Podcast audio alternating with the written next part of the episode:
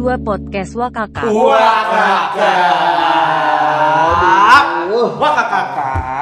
Ih, berisik banget ya. Sedih gua ngomong kakak tuh Tag sedih. ini tuh spesial banget nih kayaknya. Kenapa bro? Kayaknya tuh ada event-event tertentu gitu. Oke kayak- oke oke. Ada Iya nggak sih? ada beberapa topik penting kayaknya. Iya. Oh jadi ini selain episode juga press release dari warga Press 62 Podcast. Heeh, Jadi kenapa tuh? Terkait apa? kita mau bubar. Anjing. Iya. Ka- kalau dari kata hukumnya apa, Ces? Liquidasi. Ar- artinya apa, Ces? Bubar. Bubar. Bubaran. Misbar, gerimis bubar. Jadi Bubar. Iya iya iya. itu biasanya kalau orang-orang nongkrong di trotoar tuh ngerti hari ini tuh ada teman kita yang mau izin vakum.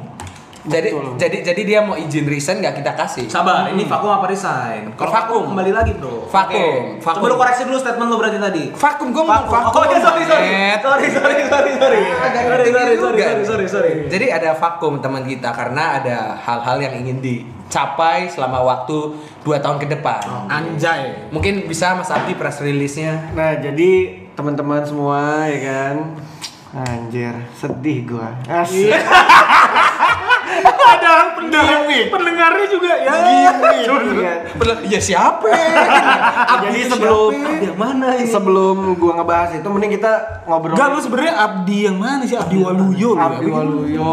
Oh, ya itu joke dari mana Abdi Waluyo? Nggak tahu gua juga. Itu tiba-tiba Karena kayak popping in my di head dalam. Enggak enggak masalahnya bilang gini, kalau joke itu ada dibangun dulu tuh kalimat premisnya, Setup. setup. Oh, oke. Tapi ini Abdi Waluyo kagak ada lucu-lucunya. Oh iya iya, sorry sorry sorry. Ah. Oke oke, coba lanjut kita Kita move on lah. Iya, Move on, move on. Orang lucu. Sebelum maksud gua gua pengen eh, gua kan ada rencana buat S2. Oh, iya.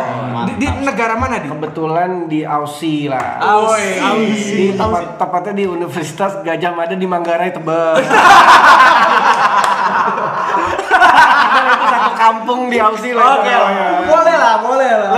Jadi ngucapnya Tebet. bukan, bukan Tebet, Tebet karena di Aussie. Sorry lu foreign lah ya. Iya, jadi gue pengen studi dulu buat memperbangun apa buat membangun karir gua. Jadi mem- memilih buat vakum dulu nih supaya nggak mengganggu produksi tim podcast kesayangan gue ini. Alasan aja lu. Enggak apa-apa dia Jambu. bijak. Bijak, bijak. Tapi tapi masalahnya kan kita produksi sebulan sekali, Bos. Lebih ke udah mager bos. kok engagementnya kok gitu? Karena engagementnya gitu-gitu Iya. doang. Coba lah pemirsa sekalian ini didengerin lah, ini bermutu kok. tapi, tapi kita udah sepakat jadi lu lu enggak enggak vakum seutuhnya. Jadi kalau lu bisa join aja. Tugas lu di sini cuma ngomong. Betul. Dan semua orang itu bisa berbicara entah ada isinya atau tidak. Yang penting kan berbicara, berbagi cerita dan berbagi kesan dan pesan. Anjay. Nah, bisa, bisa, cocok, cocok, cocok. karena teman kita ini ada yang akan kurang produktif untuk mengejar cita-cita yang lebih baik, kita akan promosi seseorang menjadi podcaster tetap kita. Sebelum ke situ pun. Apa tuh? Jadi kalau misalkan untuk pendengar-pendengar yang mengikuti kita dari episode pertama, kita sebenarnya punya anak magang, Pon. Ih betul betul betul. Cuman sayangnya anak magang ini hilang. Iya karena Lebih tepatnya lebih ke nggak lucu waktu itu. Iya. Ja- Jadi pas fit and proper dia nggak lucu bangke.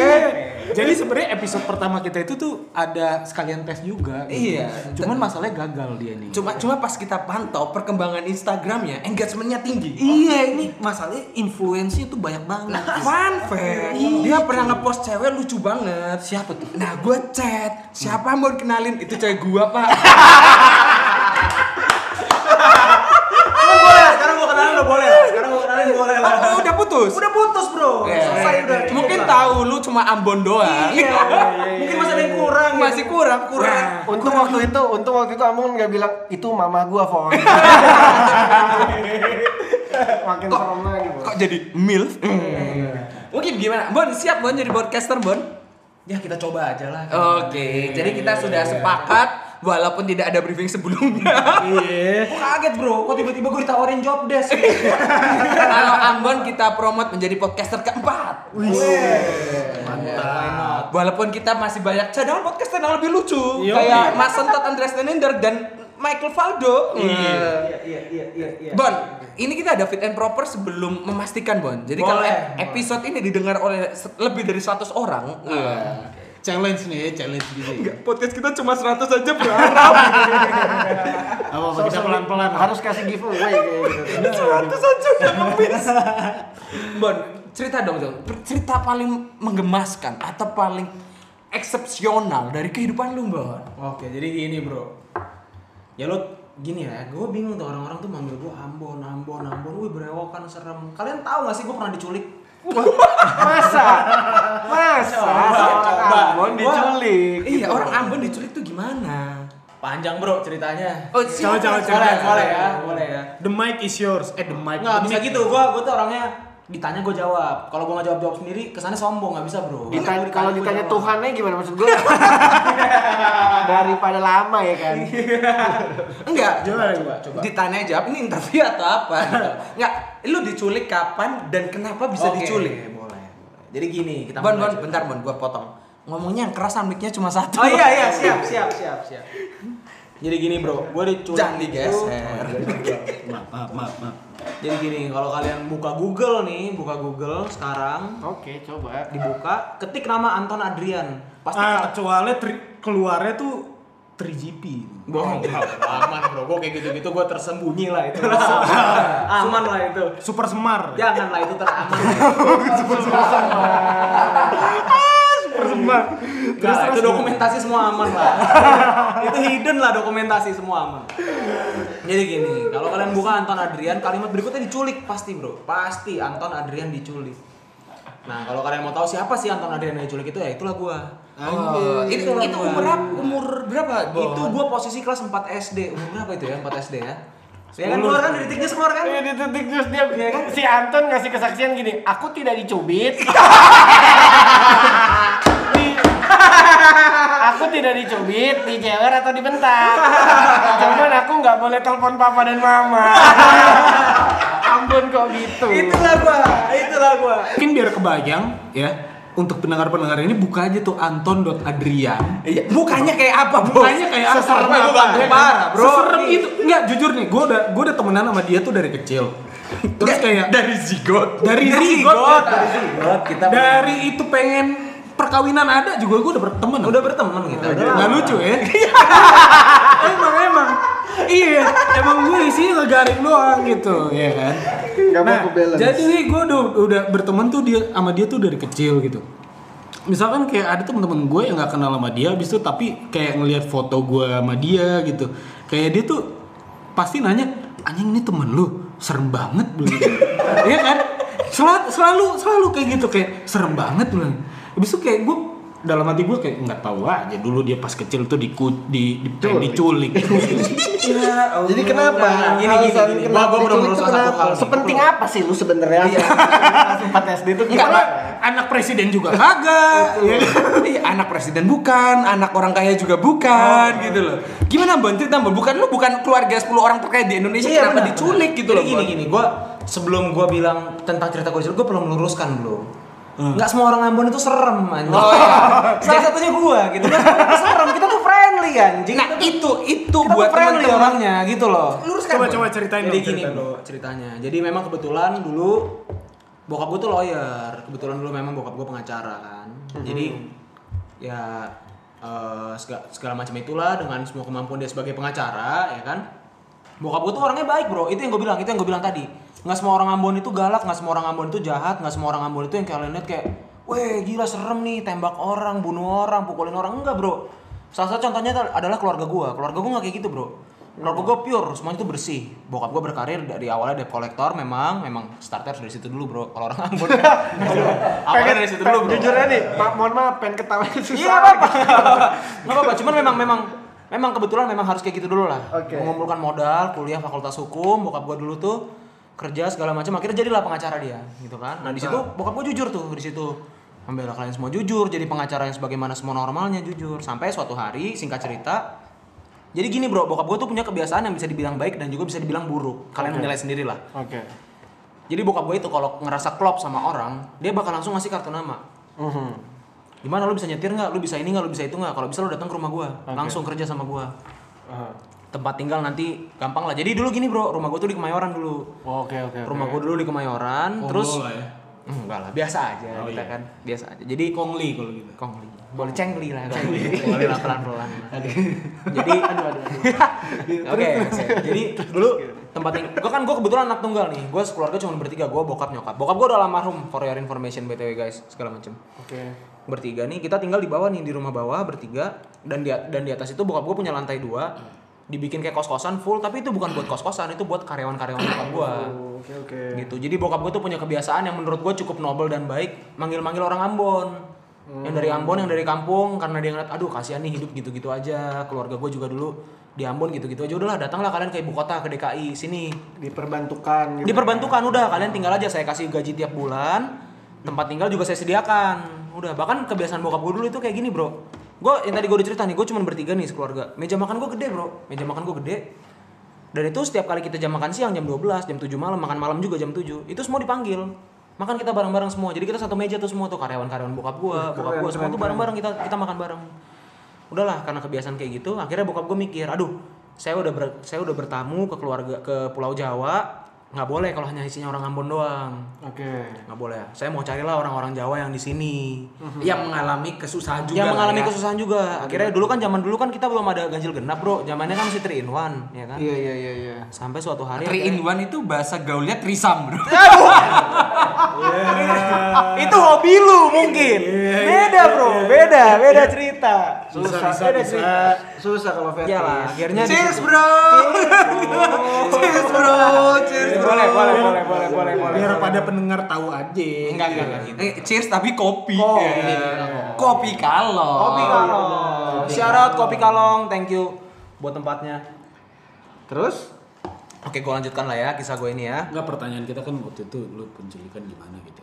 Tapi ini panjang Ces. ini Ini background keras. ini, ini, cuma satu rebutan. Oh iya. iya. ini background story-nya Oh, iya, panjang background, sampai kita background. belum diculik ini penting ini ini fakta-fakta penting ini Important. important Udah lah, Apa akhirnya- important? Bisa nggak dibelok-belokin dulu nggak? biar, biar dia cerita dulu. Biar teman gue bisa cerita. Mic kita keras kalau cuma ketawa bro. Oke oke oke oke oke oke gue lanjutkan ya. Udahlah akhirnya sampai suatu hari bokap gue harus ada meeting di Sudirman hari di tahun itu yang ada harus joki 3 in 1 nya adalah seseorang namanya Harry nggak apa-apa gue sebutkan ya Eh, gua nggak tahu. Di, di, di detik juga ada bos nama Harry. oh Bos. iya ada ya namanya adalah Harry nih orang-orang ini Publicly available, kan? nggak apa-apa. Harry dan istrinya berdua kebetulan bokap gue lagi nyetir sendiri hari itu Oke. gitu kan. segala macem dan sepanjang perjalanan di mobil tuh orang ini asik bro orang ini asik kayak bokap Mabok. sama nggak mabok. Oh, Ya, di mobil mabok Fast and Furious, Bang. Hah? Di mobil mabok Fast and Furious anjing. Terus terus gimana? akhirnya udah lah kayak si Harry ini pinter nanya bapak pekerjaannya apa? Ngobrol lah segala macem. Ya saya pengacara.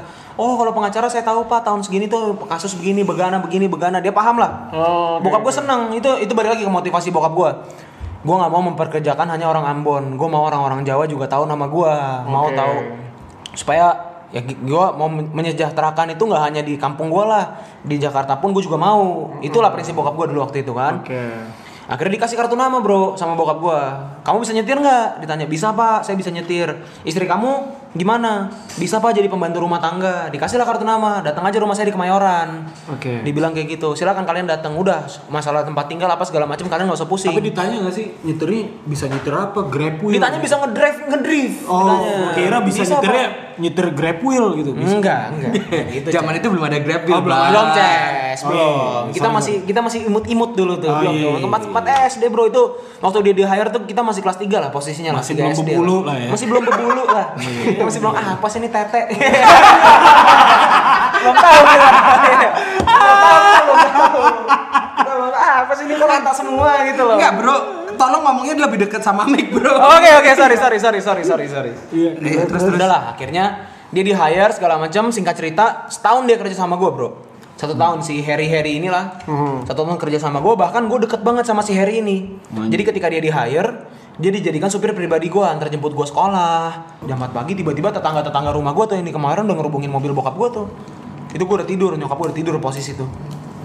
Keluar segala macam bokap gue nanya kan ini ada apa? Rame-rame nih. Udah pagi udah subuh bro. Udah udah subuh. Pak bapak bayar utang. Wah bokap gue bingung dong. Gimana Utang apaan saya? Nah, itu dia utang apa ini? Utang apa? Bokap gue nanya utang gimana? Saya tiap yang ada gue bukannya gue mau sombong atau apa ya bokap gue Banyak yang ngutangin bapak lu dulu ya. iya malah banyak tetangga-tetangga yang ngutang ke bokap gue Untung nggak PGPU. untung. Buset. Bi- bingung kita kan kalau BKP Warteg dua gitu kan. Iya, Yang kan? satu lagi kreditur satu lagi es teh manis tiga. Iya kan? Kok berat? udah, udah. Lotox kita episode berikutnya lah. Iya, Lotox, iya, rasa sabar dulu gitu kan. Terus terus terus. Udahlah, abis itu bokap gue bingung ini utang apa? Coba saya ini baru pulang kerja jam 4 pagi udah cukup pusing saya di kantor. Kenapa ini saya ditagih utang lagi? Dibilang, Pak supir bapak yang namanya Harry itu sering utang sama kita semua. Selalu bilangnya bapak yang bayar. Namanya bapak gua orang Ambon asli kan darah Ambonnya keluar panas dia. Oh ya tunggu tunggu nanti saya bayar. Tunggu nggak apa-apa saya bayar. Berapa total utang semua? 14 juta pak. Buset. 14 juta rupiah di situ. Itu diutangin sama supir gua. Buat beli gorengan semua itu. Kagak gua. Gorengan jatuhnya kolesterol, Bro. Sama Yupi, sama Yupi. Enggak. Yupi sama gorengan 14 juta. Buka toko, Bro. Buka toko. Buka toko dia. Iya benar. Terus Udah lah bokap gue di situ akhirnya kesel kan. Maksudnya yang bikin bokap gue bener-bener gedek itu lu tinggal di tempat tinggal tempat tinggal di sini nih di atas disediain nih ya kan? Lu mau makan mau minum jam 12 siang kita makan siang bareng jam 7 malam kita makan malam bareng. Apalagi yang perlu lu utangin bro? Gaji lu tuh bersih dikasih. Apalagi lu mau ngutang apa sekarang? Sama mau, mau buat apa sih ini ke tetangga-tetangga ini? Lu butuh sesuatu butuh apa? Anak lu butuh susu butuh popok butuh sekolah. Tinggal bilang lah ke bokap gua gampang. Nanti ya bokap gua bantu mau dipotong gaji mau apa ya gampang gitu kan. Urusan belakangan. urusan belakang. Kayak gitu. Akhirnya udah bokap gua kesel darah ambonnya keluar bro. Iya kan dia masak air panas tuh malam-malam Biar matang. Kirain lo. Kirain lo. Pantun. Ya biar mateng dong. Iya, masak air biar matang. Terus Iya kan? Biar mateng. Bro, ini kesan duka loh, Bro. Cerita duka loh, Bro. Eh, coba, coba, coba. Oke lah gue skip aja lah ya Part ini gue skip aja karena gue Ah, nggak enak juga Pokoknya ini sakit hati lah sama bokap gue setelah kejadian malam itu Yang nggak bisa gue ceritakan di sini Gara-gara lu mandi air panas. Iya, Ya betul. mungkin hot spring, gue nggak tahu lah. ya kan temanya gimana gue nggak paham lah. Singkat cerita dia sakit hati. Cuman memang kebiasaan bokap gue itu namanya lawyer litigasi kan musuhnya banyak bro. Betul. Lawyer litigasi itu musuhnya banyak kan dan kebetulan bokap gue itu menangani kasus sengketa tanah. Hmm. Dan sengketa tanahnya itu satu klan Ambon tertentu melawan klan Ambon, terten- Ambon tertentu yang lain dan gue nggak bisa sebut lah namanya di sini. oke, ya kan? Jadi akhirnya dari latar belakang itu bokap gue ke mana-mana pasti bodyguard Ambonnya banyak banget gitu. karena bokap gue itu kuasa hukum dari salah satu Ambon yang rival nih sama yang lain. Oke oke oke oke. daripada dibunuh kan nggak lucu ya kan? Jadi bokap gue ke mana-mana itu memang bodyguard Ambonnya banyak banget. Oke oke. Pak. bahkan ketika gue acara keluarga dan segala macem dulu mobil kan zaman dulu Innova lah ya kita sebut aja lah Innova kan. Innova itu supir Ambon di depan sebelah kiri bodyguard Ambon gue bertiga sama keluarga gue di belakang tuh Ambon empat lagi. Bener-bener seserem itu karena memang banyak banget rival bokap gue di situ kan. Asli asli asli. Terus terus. gitu akhirnya ya mungkin dari latar belakang itu si supir gue ini yang mencu- yang nantinya akan menculik gue nggak berani lah lawan bokap gue Iya. Dia pikir lah seribu satu cara gimana nih caranya biar gue bisa ngembalikin sakit hati gue gara-gara kejadian malam itu setelah Balas bokap gua- dendam gitu ya. balas dendam intinya setelah masak air panas itu yang gue nggak bisa Iya. ceritakan dia balas Biar dendam biar mateng. Biar mateng. Iya lah Mungkin kan? bapak lu pantunnya nggak lucu kan? mungkin mungkin nggak lucu pantunnya bro Iya, jadi kayak Kok Bapak Jayu? Gak anak bos, gak bisa nih gue. Iya, iya, iya. Bro, kalau masalah pantun gak lucu nggak sampai nyulik, Bro. terus terus gimana bos? Oke, masa pantun gak lucu? Aku culik anaknya. Enggak bro, gua seumur hidup hidup ya bro. Kagak pernah orang mikir kayak gitu. Abdi ini emang anjing. Terus terus Terus terus iya, iya. ya udah akhirnya karena kejadian itu kebetulan nah gue lupa cerita fakta ini gue sama supir gue ini bro itu gue bener-bener deket banget supir gue Si yang bakal- Harry ini? si Harry ini gue deket banget yang ngajarin gue nyetir motor dia. Ngajarin gua- Underage. underage under, pastinya kita underage yang nyetir yang ngajarin gue nyetir motor dia. Yang ngajarin gue nyetir mobil juga dia. Segala macam tuh dia lah semua yang ngajarin. Karena di situ posisi bokap gue kerja nyokap gue juga kerja punya perusahaan sendiri. Jadi gue di rumah tuh ya gue anak tunggal. Karena gue anak tunggal jadi gue deketnya lebih ke arah ke karyawan-karyawan bokap, supir gue dan segala macem yang dan setiap hari jemput gue tuh si Harry ini supir pribadi gue memang. Iya iya iya iya. iya. Dan setiap kali gue mau nonton film apa, apa pun itu selalu tuh dia yang ngasihin filmnya dan kebetulan nih kan namanya jangan lupa gue masih kelas 4 SD nih jangan diketawain ya kan. Hmm. Gue tuh seminggu full nonton 1001 Dalmatian bro, one hundred thousand and one One Dalmatian. on Dalmatian. One one Dalmatian itulah. Gue selalu, gue selalu ketawa kalau denger cerita ini anjing. Enggak bro, 1001 Dalmatian tuh tentang apa ya bro? Gue Gue lupa, gue lupa 1001 apa 101 gue lupa tuh. 1001 101 ya. Seribu seribu seribu satu mah hotel. Enggak. 1001 tuh cuma dua, hotel dewasa atau Aladin. Oh iya, iya, sorry, sorry. Berarti 101 kebanyakan. 101, namanya. Sorry, sorry pemirsa. Salah satu Dalmatian. To Dalmatian. Itu gue full seminggu nonton itu. Udahlah, akhirnya suatu hari gue sekolah tiba-tiba entah kenapa hari itu jam 11 siang si Harry Harry ini supir gue ini datang. Jemput. Niatnya menjemput cuma dia ngobrol sama gue tuh lewat pagar, Bro. Lewat pagar. Karena dia tahu gue dia tahu keseharian gue. Gue tuh sukanya kalau lagi istirahat pertama hobi gue namanya bocah lomba lari tuh di di lapangan tuh gue suka lomba lari. Enggak, lo bro, enggak bro, pertanyaannya begini bro Lu lomba lari pas bocah mau jadi maling lu ngetes aja kan, prestis aja gitu. Woi, gue paling kenceng gitu. Nah, gue nggak bayang kayak impersonate gitu kali ya kayak eh, apa namanya eh istirahat nih lomba lari yuk iya iya iya. Itu itu itu. itu itu kayak aduh anjing nggak Jangan lupa kita makan mie dulu siang istirahat. Oh iya iya iya. Indomie gue goreng. ingat banget tiga ribu Empat ribu bro. Empat ribu Sedikit iya, banget. oh enak banget Udah energi cukup kan kita lari. kita lari Kalau udah tua gini lari dari deadline Terus udah lah, ngapain lomba lari ya kan? Terus, udah lah, tiba-tiba dia datang lah pagar bisik-bisik. Eh, gue dipanggil nyong dulu sama supir gue ini. Eh, nyong Ambon. Ayo, papa udah beliin anjing. Terus gue bilang anjing apa? Dalmatian. Wow, semangat gue. Satu minggu bro, 101 Dalmatian gue tonton nonstop ya kan. Terus lu langsung rasa, wah mirip gua nih anjing gue banget nih Ah mukanya pasti kayak gue ya gitu. Terus, Terus, akhirnya gue tanya lah, gue bilang serius nih dibeliin soalnya dari dulu gue minta anjing tuh bokap gue gak pernah ngasih bro Gak pernah mau ngasih dia tuh benci banget binatang bokap gue dulu tuh. Soalnya bos, udah ngelawat lu Kayak Iya, gitu mungkin ya. ya gimana orang udah ngerawat pongo lu masa, masa mau ngerawat mau melihara anjing lagi Cukup lah ya. gimana lagi ya Ini satu aja. udah cukup ngerawat anjing lagi belum ya kan? Anaknya udah kayak anjing ngapain ya kan? Anaknya udah kayak anjing. ngapain gitu Terus, terus, terus, terus. ya. oh gue gue di situ semangat bro gue kayak udah nyong sekarang nyong izin aja dulu sama kepala sekolah sama ini semua guru segala macam wali kelas. Ya dengan polosnya gue ya kan? Dengan polosnya dan bodohnya gue hari itu ketika gue masih bocah ditawarin anjing yang nggak seberapa itulah harganya ya kan? Gue semangat gue izin ke wali kelas gue gue izin pak saya mau gini segala macam. Gue sampai bohong bro. Saking gue pengen anjing banget tuh. Gue nggak pernah dikasih dari kecil. Gue pengen anjing tuh gue nggak pernah dikasih. Akhirnya pak anjing saya gue pengen anjing. Kayak iklan Nutrisari bro. Anjing gue makan anjing. Anjing gua makan anjing. Gak boleh. Terus Joshua Bu, Jojo bu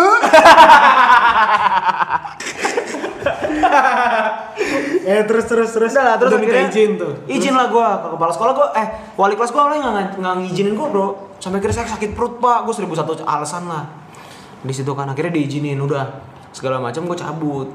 Gue supir gue tuh yang nyulik supir gue dan istrinya. Iya. dan kebetulan di tahun 2007 itu kalau lu kalian inget buka Google sekarang itu lagi marak-maraknya penculikan di DKI Oke. dan supir gue itu kerjasama sama kepala sindikat penculikan seDKI Jakarta hari waktu itu. Di tahun itu di tahun oke.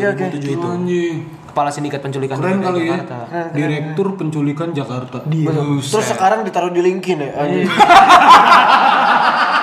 Direktur utama PT penculikan anak. itu headhunter juga sampai bingung kan. Nah, ini bro, gimana nih, ini Bro? fun partnya nih bro. Udah lah. Ini skillnya, skillnya apa lah si ngentot ini kan, direktur penculikan ya kan. lanjut lanjut lanjut lanjut ya. Terus terus. Enggak bro cuma itu lucu banget Ntar pas mau rekrut Mikir apa ya Kalau penculikan ya Kalau nggak kalau nggak gue terima anak gue diculik. Gimana lu bos? Bingung kepala gue. Orang Eh. jago banget nyulik ya kan? Sebentar, sebentar. Ini karena kita podcast kita sudah terkenal, ini ada iklan mau masuk, Bos. Boleh. Oh, Oke. Kita mulai iklannya. Si ini. Cuk, iklannya hilang, Cuk. Ya, lu nggak jelas juga lu anjing. Mending lanjutin aja deh, mending Iya, lanjutin iya, iya, iya, Gimana iya. gimana gimana tadi Bon? Oke sampai mana kita tadi gua agak lupa sedikit. Sampai lu tadi udah diculik, udah family taxi tadi. Oke oke, gue sampai naik lah gue family taxi. Ini fun partnya nih bro. Jadi gue tuh dulu waktu gue diculik itu, waktu gue di waktu gue dipakai, waktu gue di Waduh dipakai. Waduh empat. Iya. Kelas empat SD kalau udah dipakai dikit dipakai dikit aja Kelas 4 SD dipakai keras, Bos. bukan bukan bukan Yang, dipakai. yang, yang masuk Enggak enggak aman aman gue sehat walafiat oh, enggak ada. sehat ya. Oke, terus terus terus. biar santai pala dikit aja Enggak, gue kayak Di tipe bos. waktu waktu gini bro, waktu Enggak ya, Bos. Gesekin. Gimana gimana gimana? Enggak, enggak, enggak. Jadi waktu gue di taksi itu supaya gue nggak tahu di mana lokasi penculikan gue, gue dikasih obat kuat sama obat tidur bro. Banyak Obat banget. kuat? obat gue nggak tahu tujuannya dia apa. Dikasih pil lelap bro. Pil lelap pil tidur obat kuat segala macam nggak ngaruh bro. Gue nggak sadar melek full. Nggak ngaruh gue sampai akhirnya gue tuh hafal di mana gue tempat gue diculik. Jadi dari hari itu yang gue dibilang gue dijanjin anjing dan gue kabur dari sekolah dibawa sama dia supir kepercayaan gue itu gue dibawa ke belakang bandara bro ke belakang Cengkareng. Oke, jauh di situ juga. ada kontrakan jelek banget lah. Di situlah gue ditaruh. Dan anehnya ini itu itu yang baik lagi yang agak aneh sampai sekarang menurut gue gue tuh nggak sadar gue diculik cuy. Gue bener-bener nggak tahu. Yang gue tahu adalah gue cuma dipisahkan aja dari bokap nyokap gue Mhm. gitu. Setiap kali gue nanya. "He- eh, Om Heri gue manggilnya Om kan. Om Heri mana nih papa mama gue dulu waktu kecil diajarinnya ngomong aku tuh beta beta mau pulang gue bilang gitu beta mau pulang beta udah kangen mama papa Oke. Saya bilang nggak apa-apa, mama papa lagi ada bisnis di Jogja. Dia tuh pinter bro, dia tahu keluarga gue memang ada bisnis di Jogja. Oke. Keluarga gue lawyer, ada perkara di mana. Dia tuh tahu, dia paham semua. Akhirnya dia dia bohong-bohongin gue itu. Dia bilang, mama papa lagi ada bisnis di Jogja ini itu segala macam. Gue tiga hari bro disekap di sana. Tiga hari gue nggak bisa ke mana-mana. Cuma Tapi dikasih makan, Bon. Buset nih, tunggu dulu nih. Gue nggak hanya sekedar dikasih makan, Pons. Nih ya. Gue tiga hari, gue kan anak tunggal ya. Bokap gue dulu lumayan berada lah. Gue manjanya mentok tuh kan. Gue minta PS dibawain PS sama dia. PS 2 tuh zaman kita dulu tuh, zaman masih kelas 4 SD. Iya bener, udah canggih banget tuh. Mau PS 2 dibawain sama dia. Mau makan apa sarapan? Mau McD. McD dikasih. Jadi gue jatuhnya nggak Badut ya ngerasa- kan di bawah. Badut enggak. Badut McD. McD badutnya. Sedot WC. Terus terus. Gini, ada yang di tiang-tiang tuh kan sedot WC. Aduh. pas kecil aku mau nulis skripsi. Nah, itu kejauhan, Bro. Terus terus terus gimana? Di tiang-tiang, Pak. Kejauhan, Bro. Jauh Kejauhan. Iya kan? Itulah Terus, akhirnya di sana tuh gue gak sadar gua Dapatkan sarjana idamanmu. di situ lah akhirnya di situ di situ gue di situ gue bener-bener nggak sadar bro gue diculik sampai hari kedua ketiga gue akhirnya memutuskan karena gue terlalu kangen nih sama bokap nyokap gue dan gue memang posisinya di situ udah sampai sekarang sih. Gue anak mami banget gue nggak bisa lepas dari nyokap gue gue kangen banget sama nyokap gue akhirnya ada satu kesempatan. Jadi gini pertama si penculik gue ini minta lah ke bokap gue tebusan. Tebusan pak. Ini terserah bapak deh. Kalau memang ini duitnya nggak bapak transfer transfer bapak delay delay aja nih. Bapak tunda tunda aja harinya. Setiap hari semakin bapak nggak transfer jadi bapak jadi anak bapak kurang satu hilang. Sampai sekarang jadi gue 10 ngen ada mulai gua. Mulai keras, Ambon, mulai keras. Iya, 10 kaki tangan gue masih 10 tuh ngancem-ngancem tuh bencong satu itu anjing gue bilang ketemu gue pukulin anjing. Dulu dulu belum berani. Dulu belum berani masih bocah, Bro. Belum berani gue. Belum ngerti ya. Belum ngerti Terus terus, terus terus akhirnya dia ngomong-ngomong kayak gitu, gue tuh bener-bener bro di sana gue cuman full main PS dan gue nggak pernah dipasangin yang isinya berita karena di situ berita gue heboh O channel lah TV kan masih zaman kita tuh Anjir. O channel lah TV Anton global jadi momok gitu Eh, ya. berarti Anton Andrian ini dikenal dengan Ambon terkenal sejak dini. Wih. Aukarin malu, Bos. Anton Adrian udah pernah. Zaman lu belum punya sejuta follower, Anton Adrian udah di TV. Enggak gue gue respect lah sama Okarin, sama Shannon GBR, gue respect. Eh. Shannon tuh mantannya teman kita, Bos. Iya makanya gue respect gue bilang kan sama mereka itulah selebgram selebgram itu gue hormat lah sama mereka. Oke, sekilas info Enggak, next. enggak, Shannon tuh pernah gua komen, Bos. Oke, oke, oke, oke. Kurang ajar dia. Bangsat. Gua add Cesario mantannya. Eh, Padahal udah nikah. Ganggu sorry rumah, Sian, sorry Sian, no no hard ganggu rumah tangga orang. Harus Terus terus terus. Ya udahlah kita gitu kan. Akhirnya udah akhirnya di hari ketiga gue gak tahan bro. Gue bener-bener gue udah bilang gue dikasih semua fasilitas yang ada, gue dikasih PS, dikasih makanan apa pun yang gue mau, gue kangen banget sama nyokap gue di situ. Sampai akhir akhirnya di hari ketiga bokap gue transfer lah sejumlah uang yang gue nggak bisa sebut. Oke. Ditransfer lah sejumlah uang ke penculik ini. Dia ngelawan tuh omongan polisi. Polisi tuh udah bilang, Pak, udahlah, bapak kalau kasih uang ini sejumlah yang bapak transfer, nantinya itu bapak transfer, anak bapak mati. Oke. akhirnya si penculik gue itu minta sekian bokap gue ngasih 10% lah dari itu Oke semua oke. oke. Ah. di situ polisi udah ngamuk sama bokap gue udahlah pak kita lepas tangan kalau kayak gini caranya Oh, yang ada anak gitu. bapak mati ini Oke, kita udah bilang dari awal jangan dikasih jangan dikasih biar kita kerja dulu di situ bokap eh gimana gue anak semata wayang bro Iyalah, bokap lu juga panik juga pasti. panik juga akhirnya wah di situ posisi gue udah nyewa almarhum mama Loren dari situ gue udah nyewa tuh almarhum mama Loren Ki Joko Bodo Asli. udah disewa bro Oh, semuanya buat bokap lu juga percaya ini ya? Ya, mau gimana lagi bro Oh, iya, lu punya iya. anak satu-satunya nih Hopeless ya Udah jatuhnya mau ya. gimana lagi anjing ya nggak Bener, Udah bener. semuanya yang ada. Nggak ada yang bisa nebak gue di mana. Satu pun. Kalau zaman sekarang nyawanya influencer bro. Mungkin. gua nggak men- gua nggak mendiskredit ya. Gua nggak mendiskredit kemampuan almarhum Mama Loren. Gua nggak mendiskredit kemampuan Ki Joko Widodo. Mungkin hari itu miss. Oh, hari itu Gitu miss kan. ya. Mungkin hari itu mereka miss. Mungkin mungkin penculik gue juga lebih ke arah dia pakai pelet yang lebih jago lagi biar nggak bisa ditebak. Iya. Mungkin kita nggak ada yang tahu kan. Akhirnya nggak ada yang bisa nebak gue di mana tuh hari itu. Udahlah, akhirnya sampai suatu hari bokap gua yang gue bilang itu di hari ketiga bokap gua transfer lah sejumlah dana. Oke. Ditransfer karena penculik ini panik. Karena bokap gua transfer ke satu rekening doang. Penculik itu langsung pecah rekening. Oke. Yang nyulik gue tuh enam orang posisinya si Harry Harry ini yang gue bilang. Terus di situ ada juga si istrinya. Istrinya. Dan mereka berdua ini kerjasama sama ketua sindikat penculikan sejakarta hari ini. Oh, ada asosiasinya. asosiasinya bro, ada asosiasinya. Kayak asosiasi konstruksi pak. iya bro, iya ngaco bro, ngaco. Iya, Karena bro. Di tahun-tahun 2005 sampai 2007 tuh lagi marak-maraknya penculikan. Oh, emang lagi rame ya, Lagi rame dan dulu tuh gue tuh kan dari dari yang gue udah bilang inisialnya itu Pak itu bukan inisial bapak. Iya lah ya, Iya, ya, iya, anggaplah gue gak pernah nyebut lah ya, ya kan. Terus terus. Dan itu sebelum kejadian gue, itu udah tiga orang anak Don Bosco diculik juga di situ. Memang, Oke. memang lagi marah-marahnya dan gak hanya di Don Bosco, Pondok Indah. dan iya, gue yakin pasti banyak yang diculik juga kan. banyak banyak Jakarta Pusat, Selatan segala macam. Gue kebetulan bagian Jakarta Timur. Dan di situ gue Tapi kalau hati gue keculik tuh gimana? itu bro. Lu jangan cerita Shannon lah. Gimana sih lu? Nggak, bisa pertanyaan gue kalau Shannon masih mau, lu mau nggak? Eh. itu tuh bagian dari pembelajaran. Oke, tapi no hard feelings kan? No hard feelings. Tapi iyalah. Gue rasa emang suaminya Shannon lebih baik daripada lu sih. Iya, ya terima memang aja. dalam beberapa hal. Loh, iya dong. Iya dong, iya dong. Ya intinya no hard feelings kan No kita udah sama-sama move on lah. ya. Buat Shannon apresiasi lu terlepas dari cengkeraman Susario Iya. gak jelas. Iya. Oke, nggak apa-apa lah intinya. Nah, lanjut lanjut. Lanjut ya, kita lanjut ya. Udahlah, gue akhirnya di situ di hari ketiga bokap gue transfer dana sejumlah dana panik bro penculiknya karena kan gampang banget nge-trace itu hari itu siapa sih yang nerima jumlah dana gede banget Oh iya, gampang, dan gampang. bukan korporasi gitu kan kita udah sama-sama lawyer nih sekarang oke lah kalau itu perusahaan gampang. Eh, susah nge-tracknya karena perusahaan transfer miliar-miliaran Iya, perseorangan. ini perseorangan Iya. satu orang gampang banget di tracknya oke akhirnya di situ dia panik. Dari yang enam penculik gua lima cabut tuh untuk pecah rekening semua. Uh. berlima cabut mereka semua mereka semua cabut. Tinggal sisa satu si Harry. Istrinya Bukan, Harry. istrinya si Harry ini yang jadi bibi gua di rumah.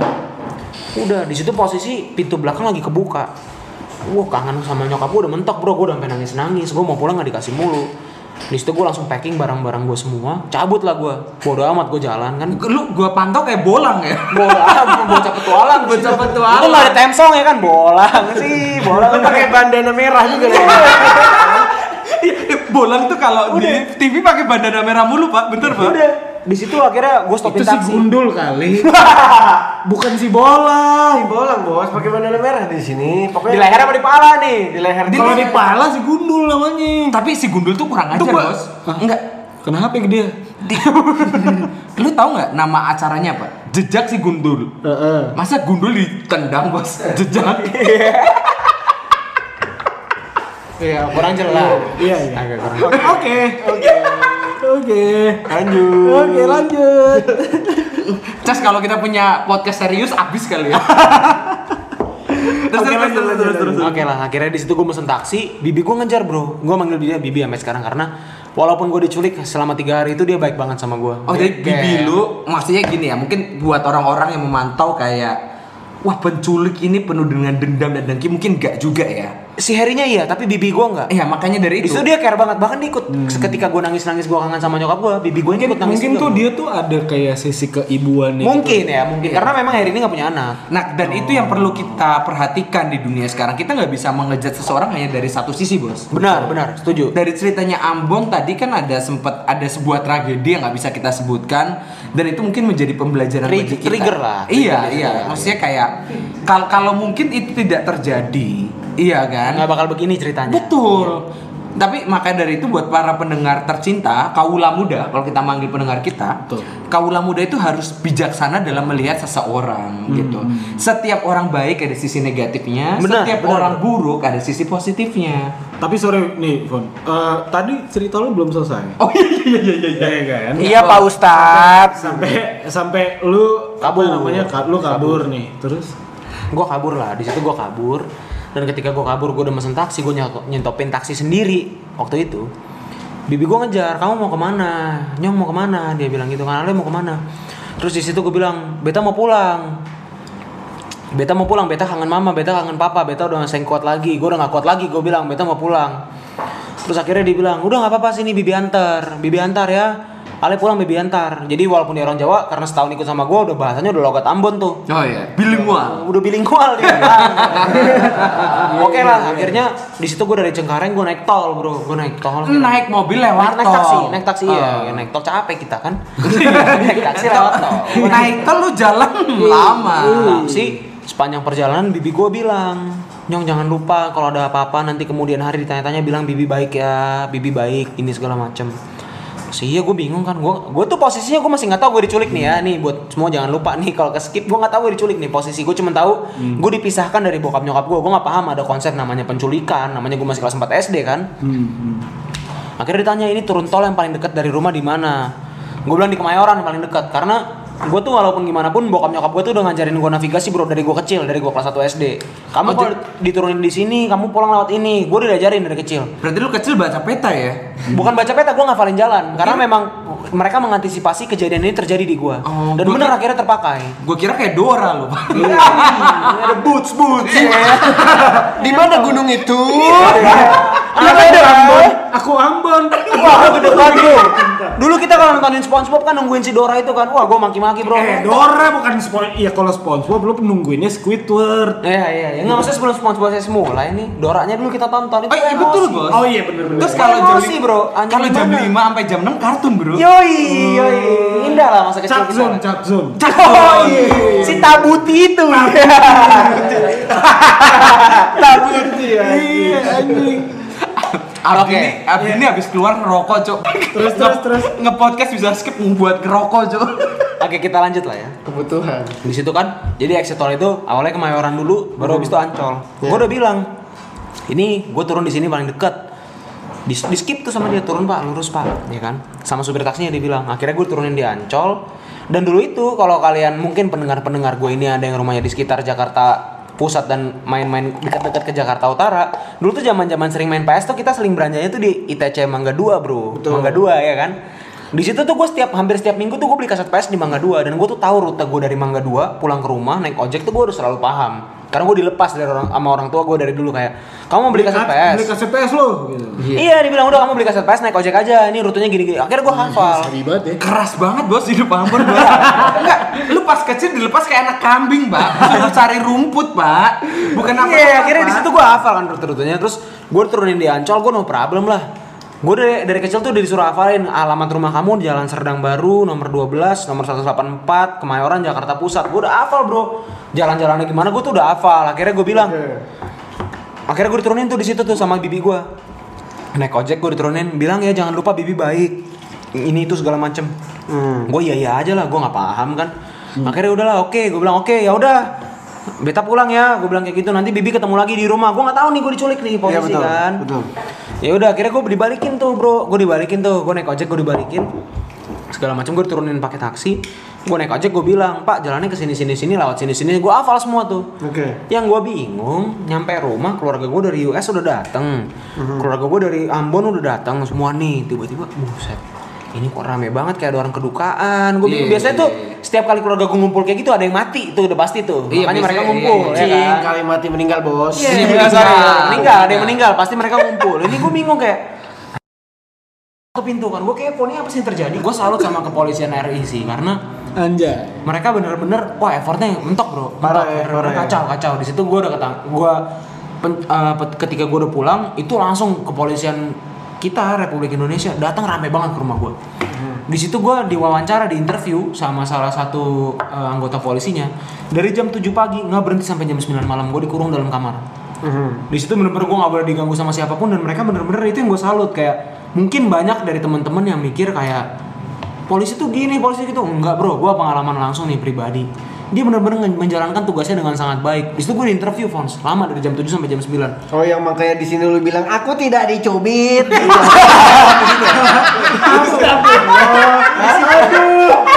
Itu statement itu keluar di momen itu ya. Statement itu keluar di situ bro. di ya? situ bro. Di situ keluar semua tuh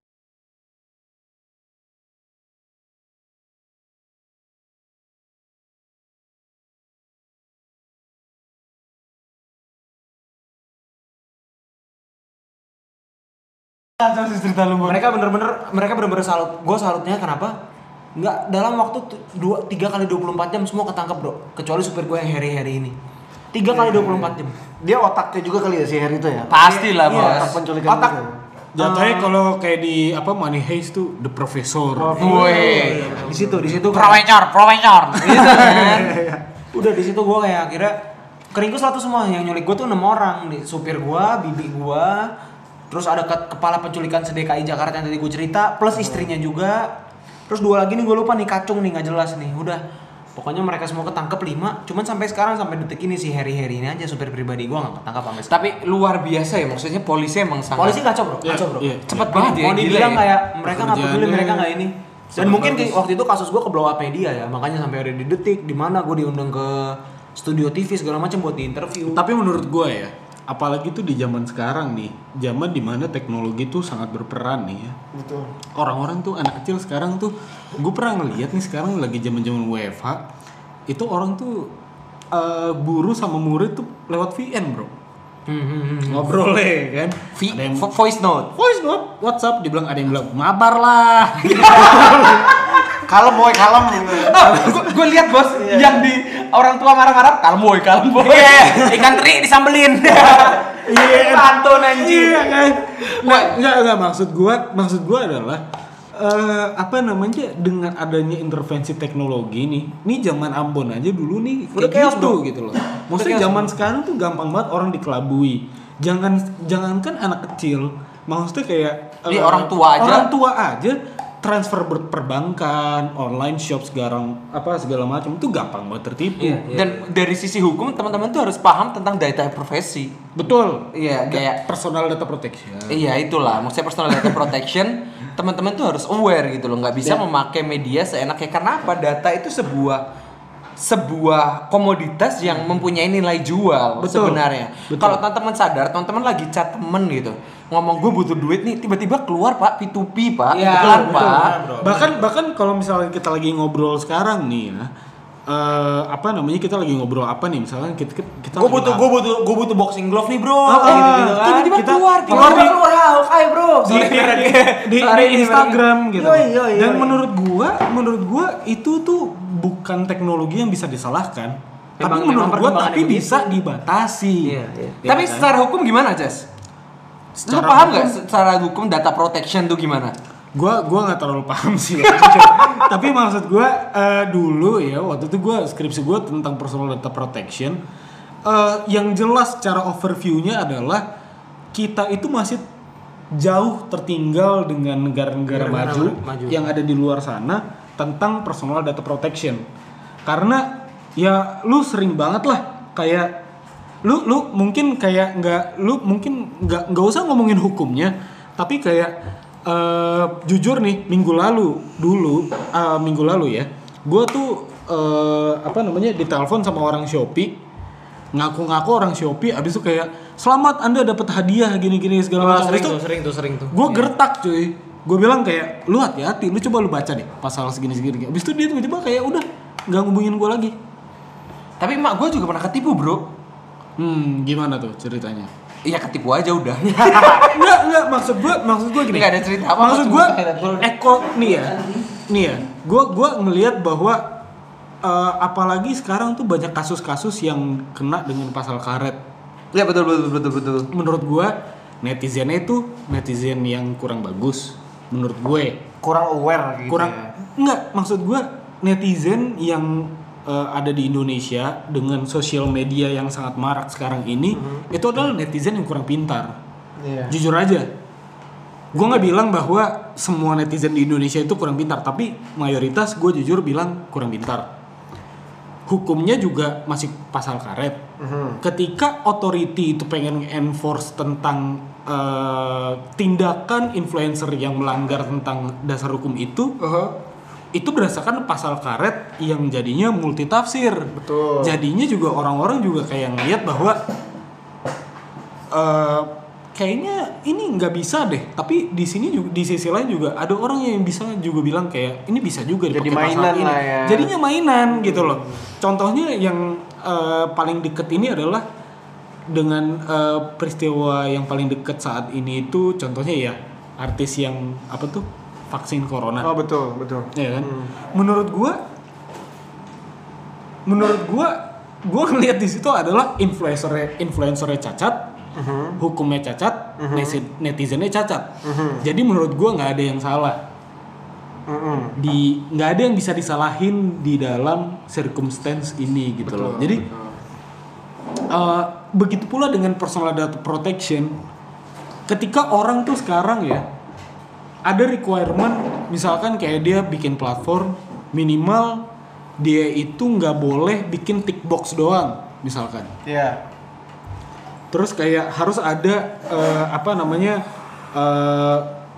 s- eh, suatu platform yang dipersediakan kepada konsumen untuk kayak eh, menjelaskan bahwa lu itu setuju bahwa personal data lu itu untuk diberi untuk diberitahukan kepada ke si controller. Contohnya Facebook contohnya Instagram segala macem. Di Indonesia itu belum se, se- sekompleks itu gitu. loh. Tapi kalau secara hukum sebenarnya ya, Chess, to the best of my knowledge, eh, Ah. disclaimer dulu. Ini juga to the best of knowledge. my Iya, knowledge. jadi kita disclaimer ya, kayak data protection itu sebatas misalnya lu belikan ke pihak A, pihak A itu kasih ke pihak B harus dengan persetujuan, kecuali Betul. memang kecuali memang di waive, ke- di, di, dikesam- dikesampingkan hal tersebut. Nah sayangnya, sayangnya orang-orang Indonesia ini termasuk kita bos, kaula muda ini tidak pernah mem- mem- memperhatikan hal tersebut. Ya. Jadi jadi kita Ya, betul. biasanya kasih data apa pun itulah dari sosial gitu ya. kan? Betul, dari sosial media kita kasih se ya udah gitu loh. Kita nggak pernah Soalnya, track. soalnya, soalnya gini, Fon. Masalahnya tuh orang Indonesia itu kadang tuh suka malas untuk membaca. Benar, benar banget, Bro. Untuk Terms kayak membaca aja lah. terms and conditions. Iya. Nah, permasalahannya adalah ketika orang tuh males untuk baca terms and conditions, di situlah harusnya sebenarnya negara Indonesia itu berperan.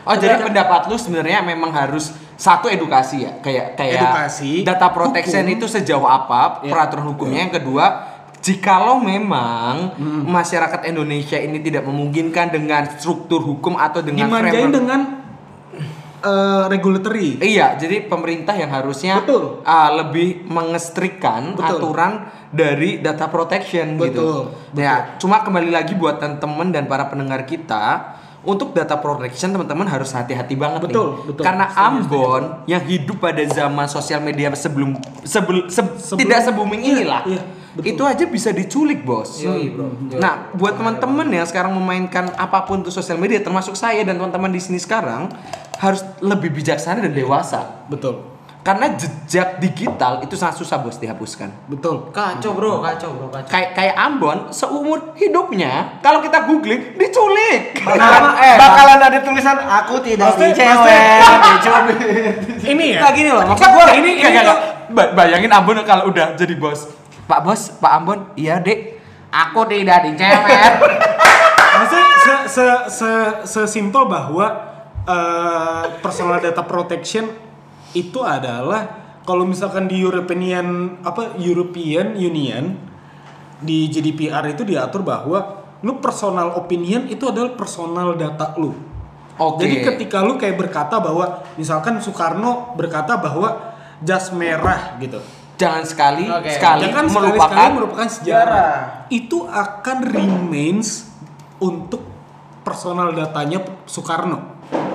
Indonesia itu belum acknowledge eh, segitunya gitu loh. Regardless itu teman-teman hati-hati aja lah main Iya, sosial media lah. Menurut gua sosial media itu eh, soalnya gini, lu harus lu harus berpikir bahwa ada satu controller yang sangat gede nih yang mengatur seluruh akun lu Bener, yang bro. bisa Bener, bro. untuk mengontrol apa yang lu pikirkan. Bener, Bro. Kita lagi ngomongin Harry, tiba cek HP lu, pasti ada WhatsApp Harry ngomongin saya, Pak. Emang usah ngomong sih. Eh, orang kamu saya culik lagi. Ih, ngomongin saya, Bos. Iri bilang, Bos. Gitu. Enggak, enggak, enggak. Tapi Abdi itu kalau ngomong serius cuma silent, Cuk. kalau bercanda nomor satu berangkat, bos berangkat dia. Enggak punya otak emang gua. Enggak masuk otak. Tapi buat para pendengar yang tercinta, jadi buat teman-teman lebih hati-hati dalam memainkan sosial media Ya, setuju gua, setuju. Dan, dan melihat Ambon dengan pengalamannya cukup bahaya ya Ambon ya. Bahaya bro bahaya bahaya Eh, jadi- gua. itu itu untung banget itu untung banget gue nggak diapa-apain untung banget gue aman untung banget ketika dia bilang ketika bapak nggak transfer uang nanti ini jadi anak bapak makin sehari makin hilang satu. Gue masih full bro 20 jadi gue dari atas sampai bawah. Dua satu bahkan. gue satu itu Iya. jadi gede banget tuh yang satu tuh. Itu gede banget yang satu tuh. Itu bahaya tuh. Nah, dan itulah buat teman-teman jadi teman-teman harus belajar menggunakan sosial media karena penculikan kalau kata Bang Napi tidak bukan karena niat tapi, karena ada kesempatan bos. Dan eh, teman-teman buat para pendengar untuk segala perbincangan kita yang kurang benar akan kita revisi akan kita eh, sensor. Iya. terima kasih sudah mendengarkan kita dan mendengarkan cerita Ambon yang sangat menginspirasi warga Indonesia supaya lebih berhati-hati lah Iya. itu aja Oleh sebab itu kita sahkan Ambon menjadi podcaster ke Lucu, ceritanya lucu soalnya. Gara-gara Abdi kayak anjing. Oke. kita sahkan Ambon menjadi podcaster keempat untuk di episode-episode berikutnya. Jadi buat siap siap perintah komandan anjing, tolong koordinasinya, Iya. arahannya, Nah, kan gitu kalau kalau lagi koordinasi kita. Nah, jadi buat teman-teman hati-hati menggunakan data protection, hati-hati dengan anak-anak dan buat hmm. setiap hmm. orang yang kalian lihat Khususnya buruk. orang-orang yang japres pun. Apa tuh? Jalur prestasi. Nih, ah, iya. apa sih? Anak-anaknya itu apa sih ya, lu iya, anjing sih lu anjing Iya udah apa sih lu anjing? Jadi lagi lagi closing ulang ulang oh iya, dari sini. Iya oke oke.